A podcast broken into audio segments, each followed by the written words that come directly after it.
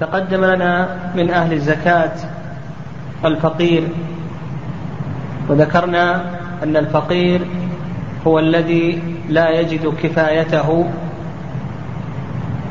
مطلقا لا يجد شيئا أو يجد أقل من النصف. وأن المسكين هو الذي يجد النصف فأكثر. وذكرنا أن الفقراء والمساكين يعطون كفايتهم وكفاية من يمونونهم من النفقات الشرعية والحوائج الأصلية. وأيضا تكلمنا عن العاملين عليها وأنهم السعاة ومن يحتاج إليه فيها. وذكرنا أنه يدخل فيهم الكتاب والقسام والعداد والكيال ومن يقوم بالوزن وغير ذلك وذكرنا شروط العامل على الزكاة. وتكلمنا عن المؤلفة قلوبهم وأن المؤلفة قلوبهم لهم صور. وذكرنا هذه الصور وهل يشترط في المؤلف قلبه أن يكون سيدا مطاعا في عشيرته أو أن هذا ليس شرطا إلى آخره. تكلمنا عن هذه المسألة وقلنا إن الصواب في هذه المسألة أنه يختلف باختلاف المؤلف. ثم بعد ذلك الرقاب. وذكرنا أن الرقاب ينقسم لهم ثلاث صور. الصورة الأولى المكاتب. الرقاب تكلمنا عليها الرقاب طيب. ها؟ طيب. نقول الرقاب في بدء درس اليوم. الحمد لله والصلاة والسلام على رسول الله. آه الرقاب لهم صور. الصورة الأولى المكاتب. والمكاتب هو الذي اشترى نفسه من سيده. هو الذي اشترى نفسه من سيده. هذه الصورة الأولى. فيعطى من الزكاة ما يسدد به دين كتابته. والصورة الثانية افتكاك الأسير. فإذا كان هناك أسير لأحد من المسلمين عند الكفار فإنه يدفع من الزكاة ما يفك به أسر هذا الأسير. والصورة الثالثة أن يشترى بأموال الزكاة أرقاء ثم يعتقون ثم يعتقوا أن يشترى بأموال الزكاة أرقاء ثم يعتقوا الصورة الرابعة أن يعتق قنه أو مكاتبة بدلا عن الزكاة. وهذا موضع خلاف بين أهل العلم. فمن العلماء من أجازه كالقاضي من الحنابلة ومن العلماء من منعه كما هو المشهور من مذهب الإمام أحمد رحمه الله تعالى. قال السادس الغارمون وهم المدينون لإصلاح نفوسهم في مباح أو لإصلاح بين طائفتين من المسلمين. هذا السادس من أهل الزكاة الغارم. والغرم في اللغة اللزوم ومنه قوله سبحانه وتعالى عن النار إن عذابها كان غراما أي كان ملازما لأهلها. وأما في الاصطلاح فالغارم ينقسم إلى قسمين. القسم الأول غارم لنفسه والقسم الثاني غارم لإصلاح ذات البين فقال المؤلف وهم المدينون بإصلاح نفوسهم في مباح. هذا القسم الأول الغارم لنفسه. والغارم لنفسه هو من تدين لواحد من الأمور الآتية. من تدين لواحد من الأمور الآتية. الأمر الأول تدين من أجل النفقات الشرعية. رجل استدان من أجل أن يشتري طعاما له ولمن يمونه فنقول هذا يعطى من الزكاة. ثانيا تدين من أجل الحوائج الأصلية. تدين من أجل الحوائج الأصلية. مثلا حوائجه الأصلية آه التي يحتاجها من الأواني والفرش والآلات ونحو ذلك. ومما يدخل فيما تقدم من تدين لاشتراء مركب من مركب لاشتراء مركب يليق به. اشترى مركبا يليق به. فهذا نعطيه من الزكاة. اشترى مركبا من المراكب يليق به. فنقول هذا نعطيه من الزكاة. ويدخل في ذلك أيضا من تدين لأجل الزواج. لا يجد أحدا ينفق عليه. فنقول هذا يعطى من الزكاة. ويدخل في ذلك أيضا من تدين لاشتراء مسكن يسكنه يليق به. فهذا نعطيه من الزكاة.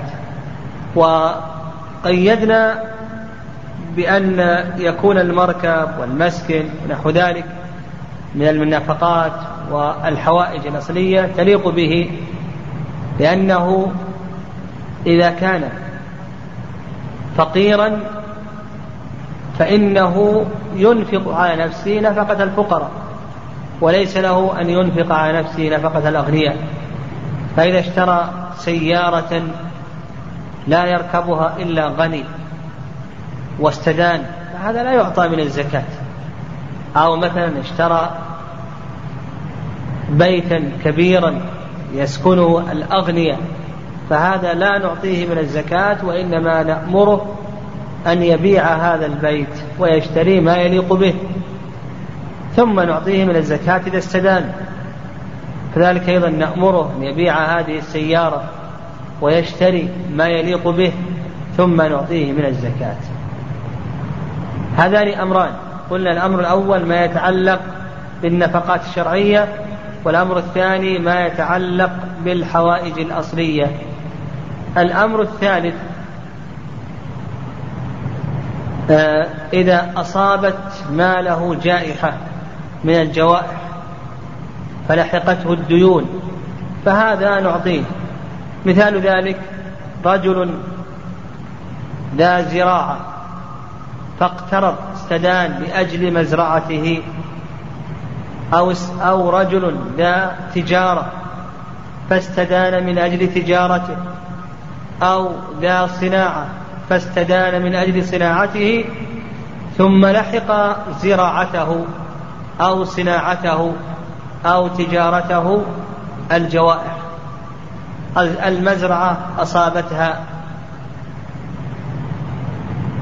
العواصف من الأمطار والرياح فأتلفت الزرع والثمار. وكذلك أيضا المصانع احترقت تجارات كسدت ونحو ذلك فلحقته الديون. فهذا نعطيه من الزكاة. ويشترط لهذا الفقير الذي استدان لنفسه يشترط أن يكون فقيرا. هذا الغارم الذي استدان لنفسه نشترط أن يكون فقيرا. نشترط أن يكون فقيرا. فإن كان غنيا يجد فهذا لا يجوز له أن يأخذ من الزكاة. لو كان عنده مال أو عنده عقارات يستطيع أن يبيعها فنقول هذا لا يجوز له أن يأخذ من الزكاة بل عليه أن يوفي من هذه الأموال الزائدة. ولهذا قال العلماء رحمهم الله إذا كان بيته واسعا فإنه يبيع هذا البيت الواسع ويسدد ويشتري ما يليق به. وقالوا إذا كان عنده كتابان نسختان من كتاب فإنه يبيع إحدى النسختين ويسدد. فيشترط للغالب لنفسه أن يكون فقيرا. الثاني يعني حتى لو غرم لنفسه في أمر محرم اشترى أمرا محرما وغرم لنفسه فإنه إذا تاب يعطى من الزكاة. وأيضا قال العلماء رحمهم الله سواء كان الغرم للخالق أو للمخلوق. سواء كان الغرم للخالق أو للمخلوق. آه الثالث آه الثا آه نعم القسم الثاني. القسم الثاني الغارم لإصلاح ذات البين الغارم لإصلاح ذات البين وذلك بأن تحدث بين طائفتين أو قبيلتين منازعات وخلافات. منازعات وخلافات. منازعات وخلافات فيحصل سفك للدماء وإتلاف للأموال وجروح وكسور. فيأتي شخص ويصلح بين هاتين الطائفتين ويتحمل في ذمته ما حصل بينهم من الدماء من الديات وأيضا قيم الأموال وأروش الجنايات يتحمل هذه الأشياء فهذا يحل له أن يأخذ من الزكاة ولو كان غنيا. ويدل لهذا قول الله عز وجل والغارمين وهذا من الغارمين وأيضا حديث قبيصة رضي الله تعالى عنه حيث قبيصة بن مخارق في صحيح مسلم أنه تحمل حمالة فأتى النبي صلى الله عليه وسلم فذكر له ذلك. فقال النبي عليه الصلاة والسلام أقم عندنا يا قبيصة حتى تأتينا الصدقة فنأمر لك بها. فقال حتى تأتينا الصدقة فنأمر لك بها. والإصلاح لذات إصلاح ذات البين هذا يدخل تحته صور. يدخل تحته صور. الصورة الأولى الصورة الأولى أن يتحمل في ذمته. نقول الصورة الأولى أن يتحمل في ذمته. يتحمل في ذمته الديات وقيم المتلفات وعروش الجنايات. يتحملها في ذمته. ويذهب ويجمع من الزكاة لكي يسدد. فهذا نعطيه من الزكاة. الصورة الثانية الصورة الثانية. أن يستقرض ويسدد ثم يذهب ويأخذ من الزكاة. يعني يستقرض من زيد من الناس مثلا كذا وكذا ويسدد ثم بعد ذلك يأخذ من الزكاة فهذا نقول نعطيه من الزكاة. الصورة الثالثة أن يسدد من ماله ثم يأخذ من الزكاة. هذه الصورة موضع خلاف.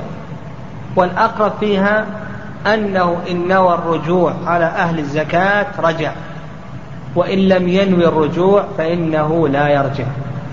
فأصبح عندنا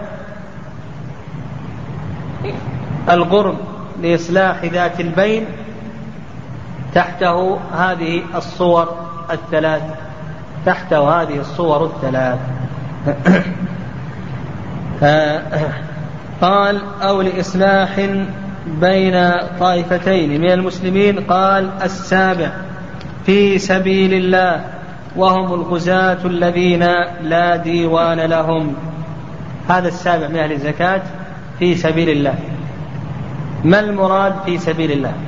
في سبيل الله تحته مسألتان. المسألة الأولى هل قول الله عز وجل في قوله سبحانه وتعالى إنما الصدقات للفقراء والمساكين والعاملين عليها والمؤلفة قلوبهم وفي الرقاب والغالمين وفي سبيل الله وابن السبيل. قوله وفي سبيل الله هل قوله سبحانه وتعالى وفي سبيل الله هل هو خاص بالجهاد أم أنه يشمل كل سبل الخير؟ هذا موضع خلاف موضع خلاف. فأكثر أهل العلم أن قوله سبحانه وتعالى وفي سبيل الله أنه خاص بالجهاد في سبيل الله. فعن أهل العلم رحمه الله اختلفوا في تفسير ما المراد بالجهاد يعني أو ما هو المصرف في الجهاد كما سيأتي. فالرأي الأول قالوا بأنه خاص بالجهاد في سبيل الله وهذا ما عليه أكثر أهل العلم رحمهم الله. واستدلوا على ذلك من الآية. أما الدليل الأول فإن الله عز وجل قال في الآية إنما الصدقات. حصر. حصر الصدقات في هؤلاء الأصناف الثمانية.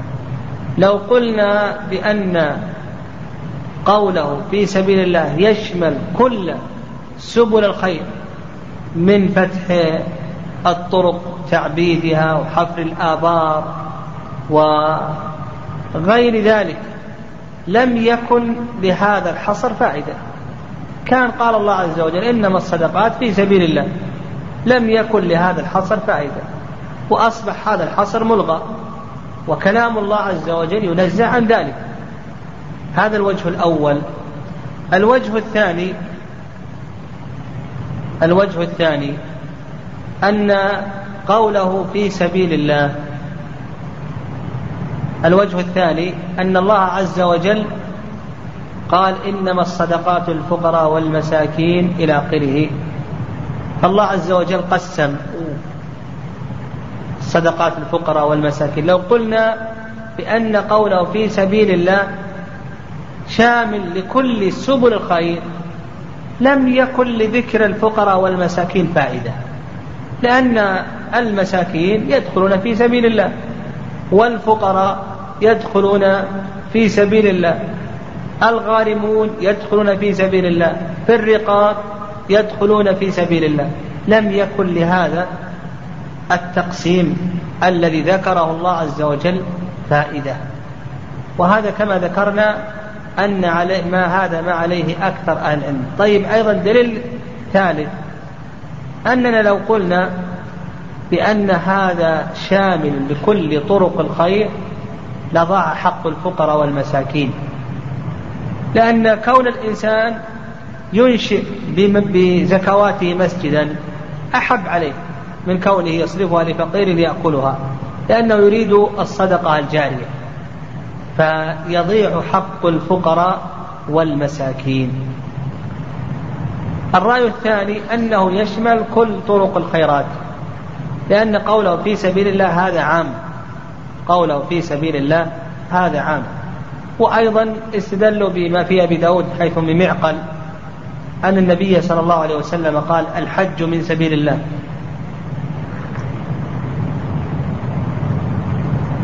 لكن هذا الحديث ضعيف.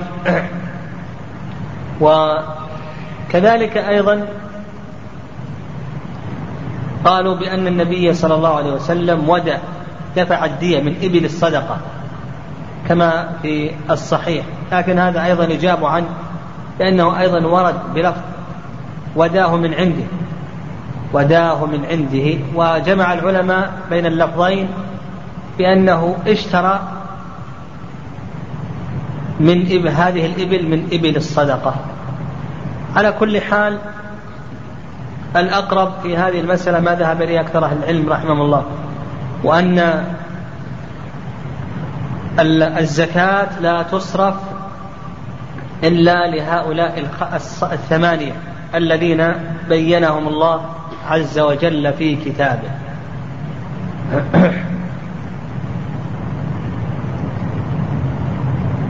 آه، هذه المسألة أيضا مسألة أخرى. إذا قلنا بأن قوله سبحانه وتعالى وفي سبيل الله المراد به الجهاد في سبيل الله. فكيف يصرف في الجهاد؟ قال المؤلف وهم الغزاة الذين لا ديوان لهم. هذا مذهب المؤلف مذهب الشافعي. أن الأموال أن أموال الزكاة تصرف للجند المتطوعة الذين ليس لهم رواتب. فإذا كان هناك جند متطوعة ليس لهم رواتب نعطيهم من أموال الزكاة ما يذهبهم إلى أماكن الجهاد. ويستعينون بها على القتال. أما إذا كان لهم رواتب فإننا لا نعطيهم.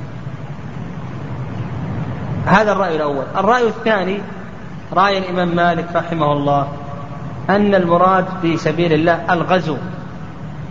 وكل ما يلزم المجاهد من الآلات. أن المراد به الغزو وكل ما يلزم المجاهد من آلات الجهاد وعدته. وهذا القول هو الصواب. وعلى هذا نعطي المجاهدين الذين لا رواتب لهم ونشتري أيضا بأموال الزكاة آلات للمجاهدين وذخائر وغير ذلك. يعني كل ما يستعان به على الجهاد في سبيل الله فإنه داخل. وهذا رأي الإمام مالك رحمه الله وهو الصواب. هذا هو الصواب. ولا يحصر ذلك في قوله الغزاة. لا الصواب أنه أنه يشمل كل ما يتعلق بالجهاد في سبيل الله. من إعطاء الجند ومن شراء الأسلحة والذخائر وعمل أماكن لتدريب المجاهدين وغير ذلك. هذا هو الصواب.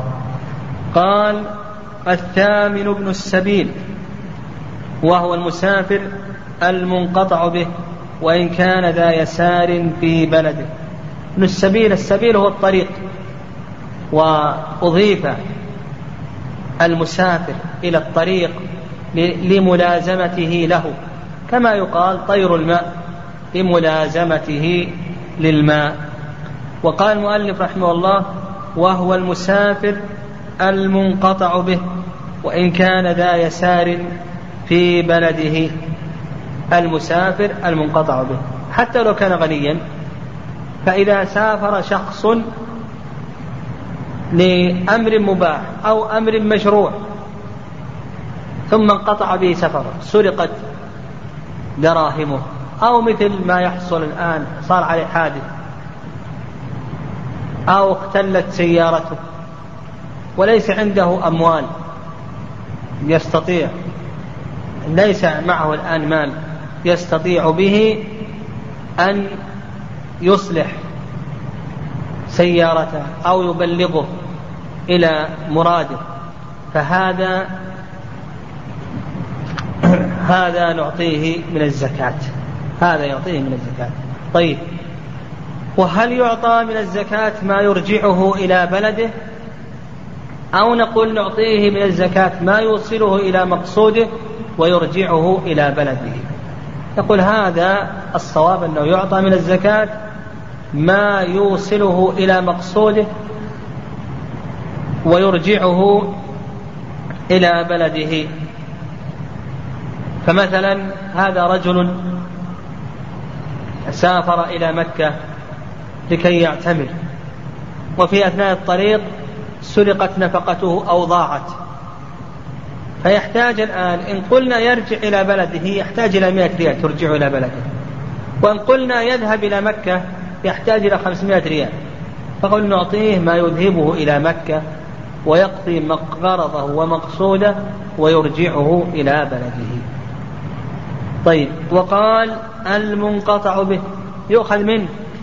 أنه إذا لم يشرع في السفر أنه لا يعطى من الزكاة. يؤخذ منه أنه إذا لم يشرع في السفر أننا لا نعطيه من الزكاة. يعني هذا رجل أراد السفر قال أعطوني من الزكاة. فنقول هذا لا نعطيه من الزكاة. وهذا هو المشهور من المذهب ولهذا قال المنقطع به. والرأي الثاني رأي الشافعي. أنه يعطى من الزكاة. والصواب في هذه المسألة التفصيل. صواب التفصيل في هذه المسألة. وهو إن كان هذا السفر يحتاج إليه فإننا نعطيه من الزكاة. وإن كان لا يحتاج إليه فإننا لا نعطيه من الزكاة. ينظر إذا كان سفرا يحتاج إليه. نعطيه. لو كان سفر نزهة قال بذهب أتنزه أعطوني ألف ريال.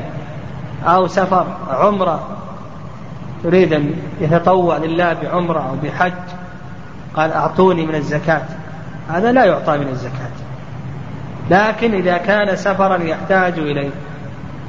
مثلا يحتاج إلى علاج ونحو ذلك. فهذا يقول نعطيه من الزكاة. هذا الصواب. قال وإن كان ذا يسار في بلده حتى لو كان غنيا. فعندنا إنما الصدقات للفقراء نعم. وهذه سيذكرها المؤلف رحمه الله. طيب قال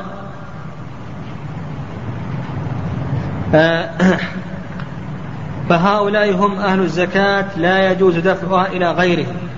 فقوله رحمه الله لا يجوز دفعها إلى غيرهم يخرج ما تقدم صرفها في بقية سبل الخير غير هؤلاء الأصناف الثمانية كتعبيد الطرق وحفر الآبار وبناء المساجد ونحو ذلك فلا يجوز.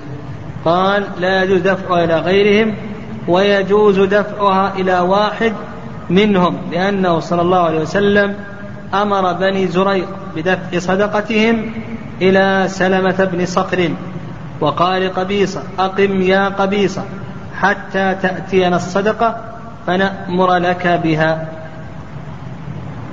نقول يقول المؤلف رحمه الله يجوز أن تدفع إلى واحد. يجوز أن تدفع إلى واحد. وهذا ما ذهب إليه المؤلف رحمه الله وهو قول أكثر أهل العلم خلافا للشافعي. فإن الشافعي رحمه الله يقول بأن الصدقة تجزأ إذا كان عندك زكاة تجزئها ثمان تجزأ الجزء الأول للفقراء للمساكين للعاملين للمؤلفة إلى آخره. ورأي أكثر أهل العلم أنها لا تجزأ وأنه لا بأس. أن تدفعها إلى واحد. ويدل لهذا حديث ابن عباس رضي الله تعالى عنهما. وفيه قول النبي صلى الله عليه وسلم لمعاذ فإنهم أجابوك لذلك فأخبرهم أن الله افترض عليهم صدقة تؤخذ من أغنيائهم وتدفع إلى فقرائهم. صنف واحد. وقال النبي صلى الله عليه وسلم لقبيصة أقم عندنا يا قبيصة حتى تأتينا الصدقة فنأمر لك بها. قال ويدفع إلى الفقير والمسكين ما تتم به كفايته. هنا بين المؤلف رحمه الله قدر ما يأخذه كل من الفقير والمسكين. فالذي يأخذه الفقير قدر كفايته. من أي شيء؟ ها؟ من النفقات الشرعية والحوائج الأصلية كما تقدم. فيأخذ الفقير والمسكين قدر كفايته من الحوائج الأصلية والنفقات الشرعية.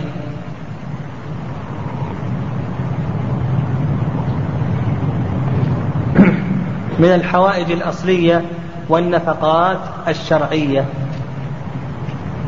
نعطي الفقراء والمساكين. فمثلا إذا كانت كفايته هو ومن يمونه في العام تساوي عشرين ألفا وراتبه ألف. كم بقي عليه؟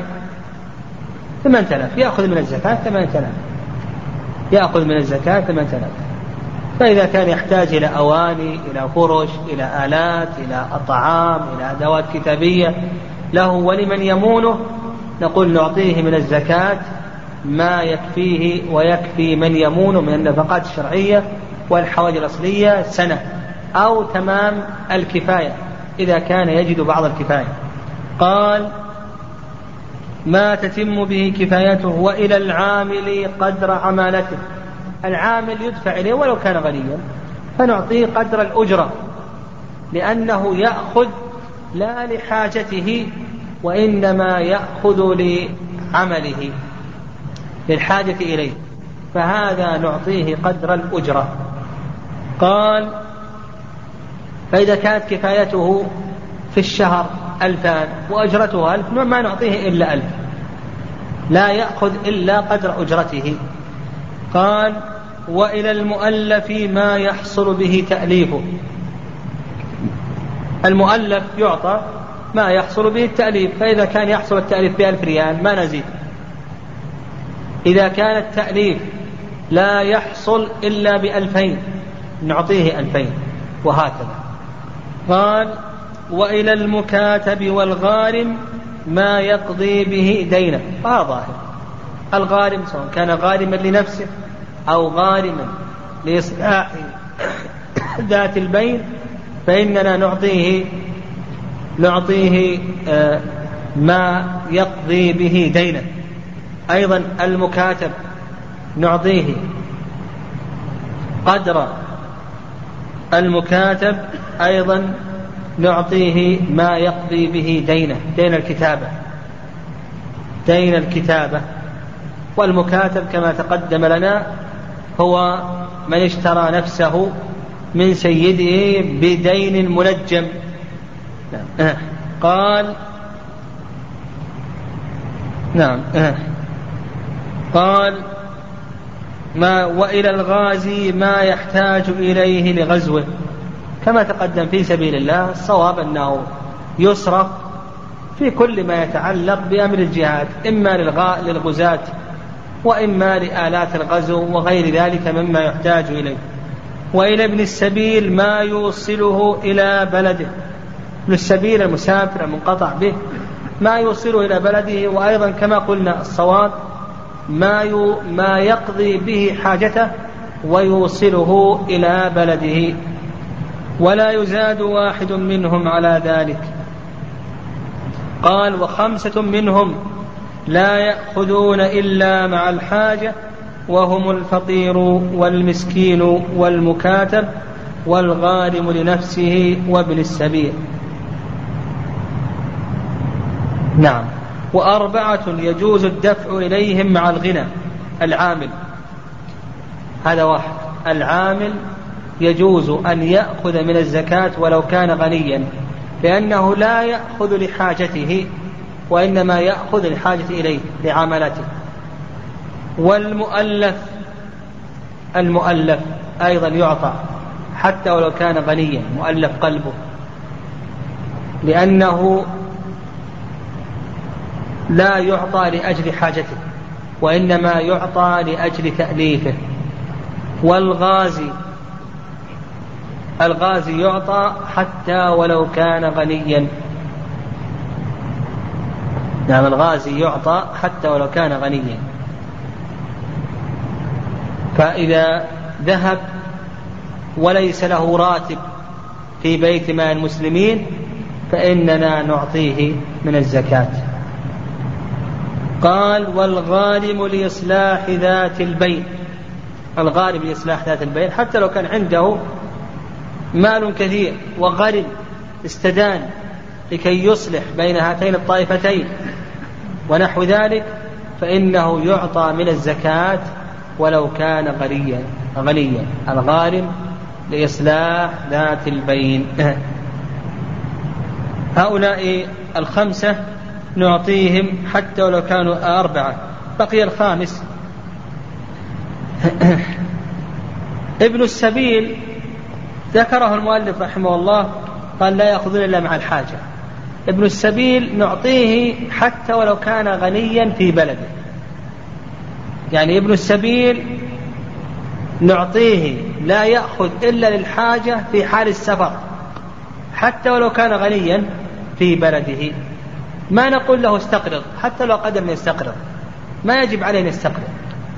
فإذا كان غنيا في بلده نعطيه من الزكاة. وإذا كان محتاجا إذا كان محتاجا في أثناء الطريق ما معه شيء. ولو كان غنيا في بلده نعطيه من الزكاة. حتى ولو قدر على أن يستقرض المال. فهذا لا يجب عليه أن يستقرض ويجوز له أن يأخذ من الزكاة. قال باب من لا يجوز دفع الزكاة إليه. قال لا تحل الصدقة لغني ولا لقوي مكتسب الغني ما هو من هو الغني في باب أخذ الزكاة؟ الغني في باب أخذ الزكاة هو الذي يجد كفايته وكفاية من يمون لمدة عام. الغني في باب أخذ الزكاة هو الذي يجد كفايته وكفاية من يمون لمدة عام. فإذا كان هذا الرجل كفايته في في سنة تساوي 12 ألف وراتبه في السنة يساوي 12 ألف ما نعطيه من الزكاة. لو كانت كفايته تساوي عشرة آلاف ريال وراتبه يساوي 12 ألف هذا لا نعطيه من الزكاة. هذا غني غني. والله عز وجل إنما فرضها للفقراء والمساكين فدل ذلك على أن الأغنياء ليس لهم فيها شيء. قال ولا لقوي مكتسب. لقوي مكتسب. إنسان قوي مكتسب يستطيع أنه يحترف. فهذا لا يجوز أن يجلس ويقول أعطوني من الزكاة. لا نقول اعمل. اعمل وحصل المال. فإن قصر عليك شيء خذ من الزكاة. إن قصر عليك شيء خذ من الزكاة.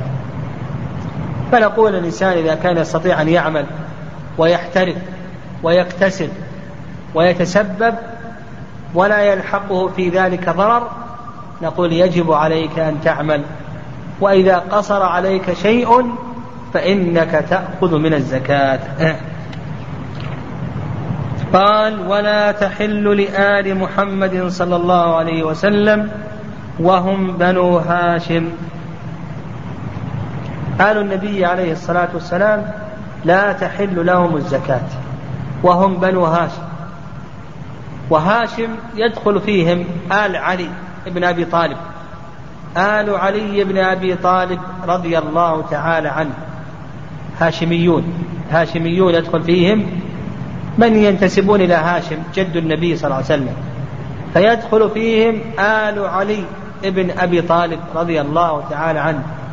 وآل جعفر ابن أبي طالب رضي الله تعالى عنه وآل العباس ابن عبد المطلب رضي الله تعالى عنه وآل الحارث ابن عبد المطلب رضي الله تعالى عنه وآل عقيل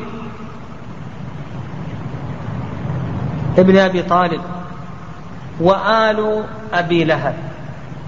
آل أبي لهب. خمسة. هؤلاء كلهم هاشميون. لا تدفع لهم الزكاة. آل علي آل جعفر آل العباس آل عقيل آل الحارث آل أبي لهب. هؤلاء لا يأخذون من الزكاة. ودليل ذلك قول النبي عليه الصلاة والسلام إن نعم إن الصدقة لا تحل لمحمد ولا آل محمد إنما هي أوساخ الناس. إنما هي أوساخ الناس.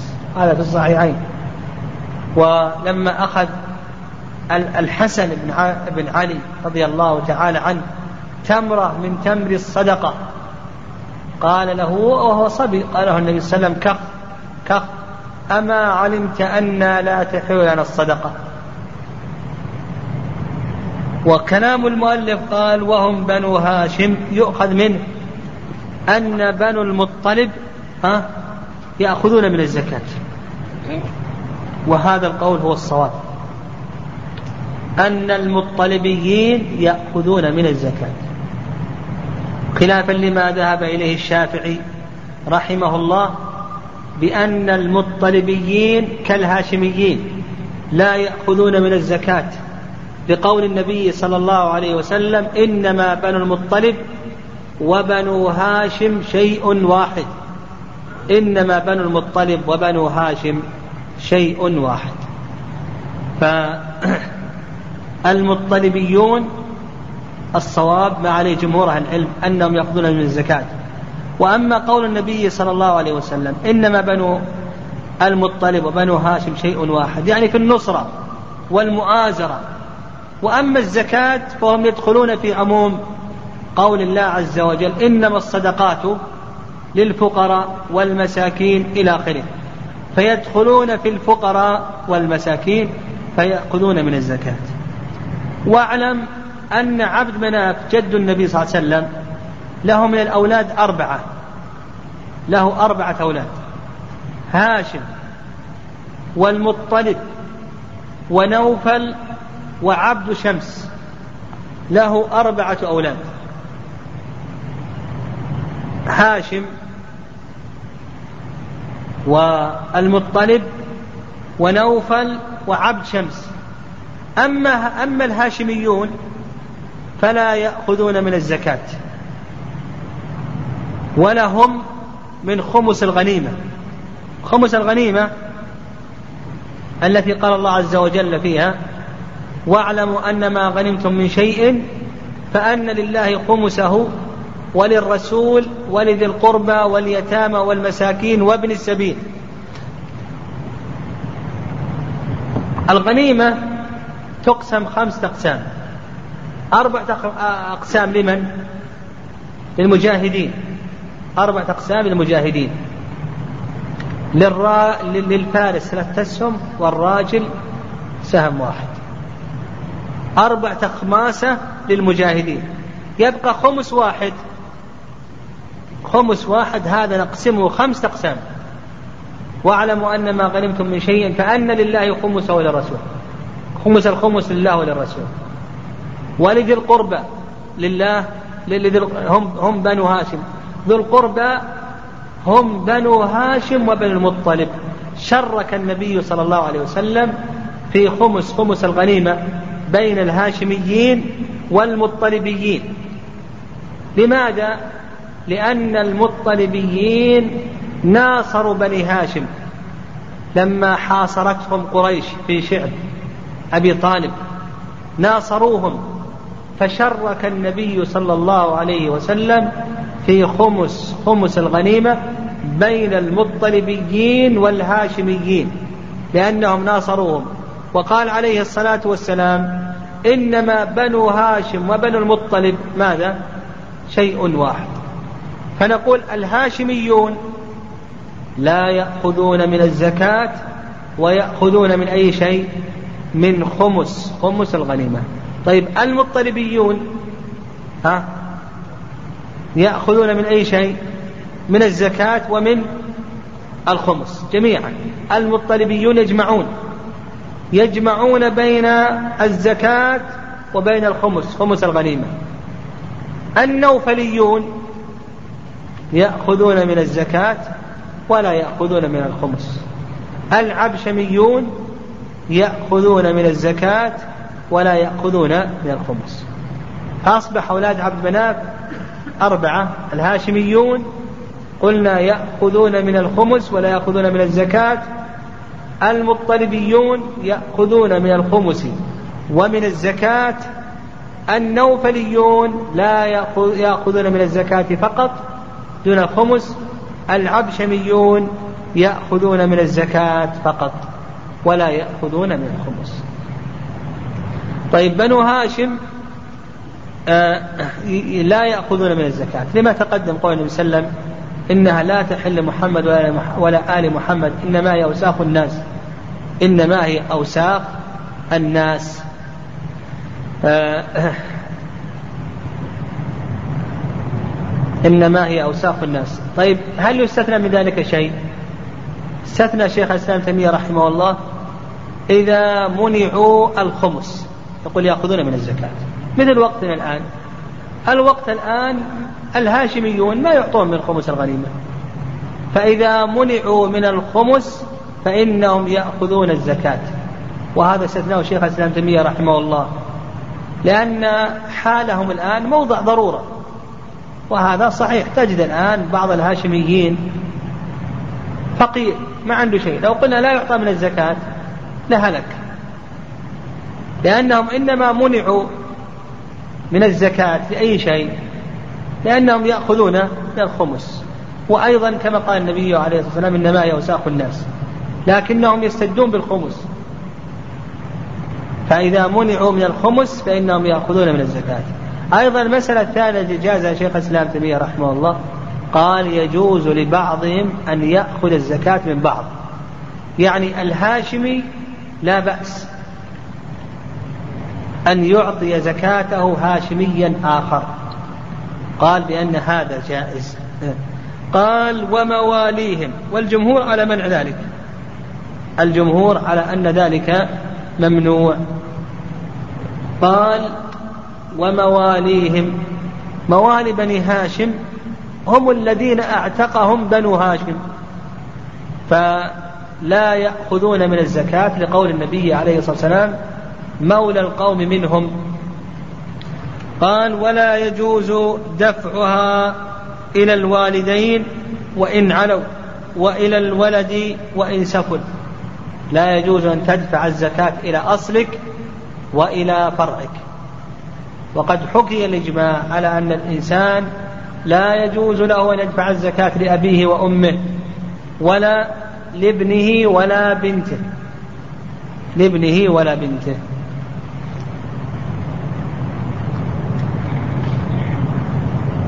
لكن آه،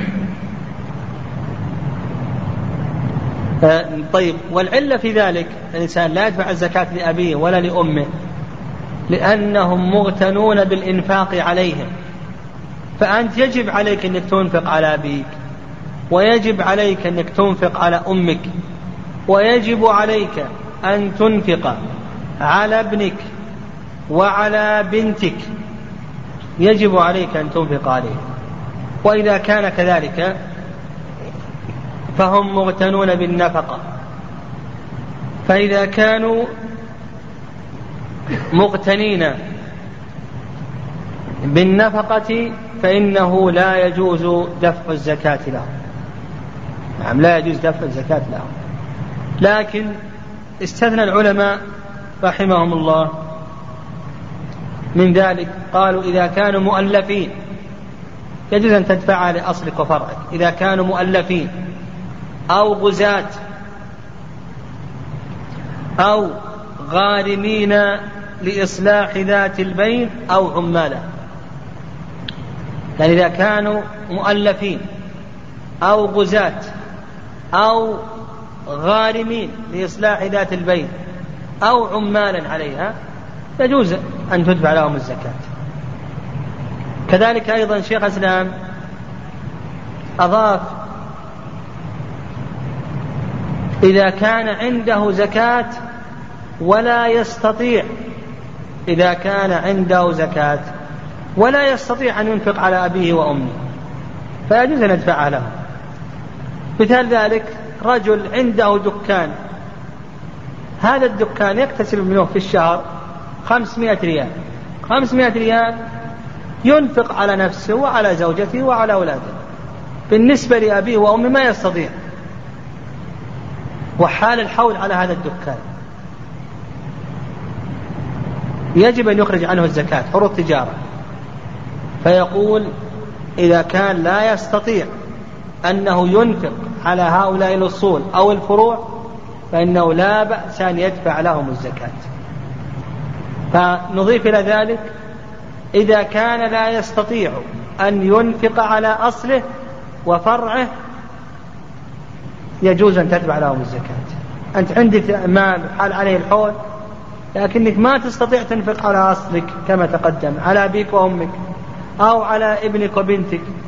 فيجوز لك أن تعطيهم من الزكاة. أما إذا كنت تستطيع أن تنفق عليهم فلا يجوز أن تعطيهم من الزكاة لأنهم حينئذ مغتنون بالنفقة عن الزكاة وتقدم أن الزكاة لا تحل للغني.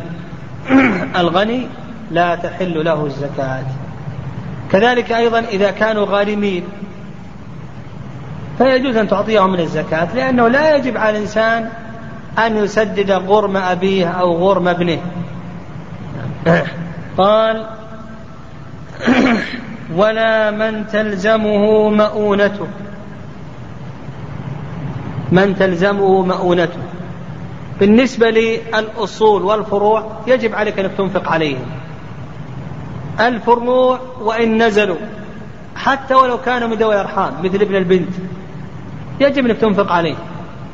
وإذا كان يجب أن تنفق عليه ما يجب أن تعطيه من الزكاة إلا كما استثنينا كما تقدم.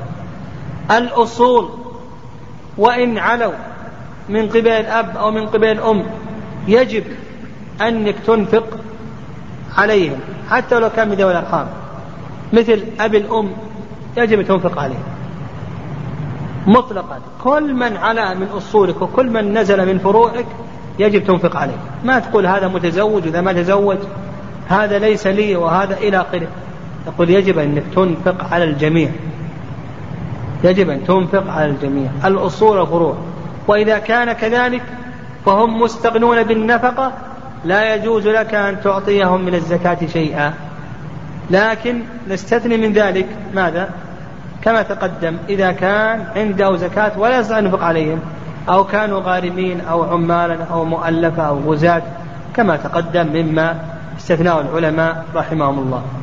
طيب غير الأصول والفروع الحواشي الإخوة وبنوهم الأعمام وبنوهم هل يجوز أنك تعطي الزكاة لإخوتك ولأخواتك لأعمامك وعماتك؟ هذا فيه رأيان. الرأي الأول قالوا يجوز أنك تعطيهم من الزكاة. إذا كانوا فقراء يجوز أنك تعطي الزكاة لأخيك وأختك وابن أخيك وابن أختك وعمك وعمتك إلى آخره. يجوز أن تعطيهم من الزكاة. الرأي الثاني أنه لا يجوز إذا كان يلزمك أن تنفق عليهم.